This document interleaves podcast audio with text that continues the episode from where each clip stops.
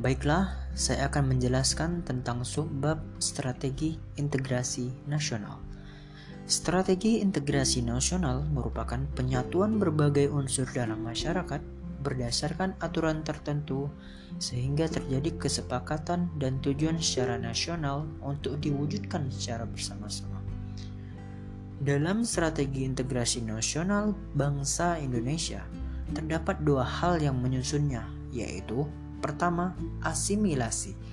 Asimilasi adalah menyatukan masyarakat dengan menjadikan budaya yang dominan sebagai acuan dan budaya lain melebur di dalamnya.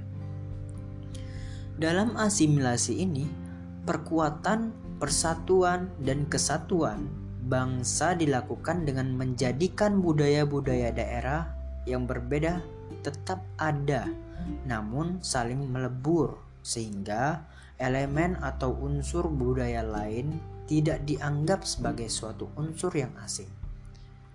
Yang kedua, yaitu alkulturasi.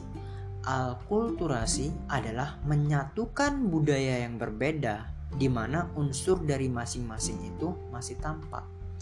Artinya, dalam Alkultras ini budaya-budaya daerah yang disatukan tidak hilang namun tetap dilestarikan sebagai bagian kekayaan bangsa. Namun, pelestarian ini diikuti dengan penyatuan budaya membentuk suatu budaya nasional.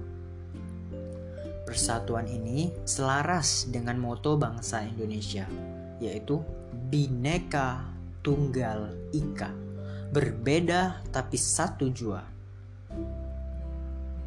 Alkulturasi menyatukan masyarakat dengan tetap mempertahankan terdapatnya perbedaan. Misalnya, musik tradisional daerah tetap dilestarikan dan dipentaskan.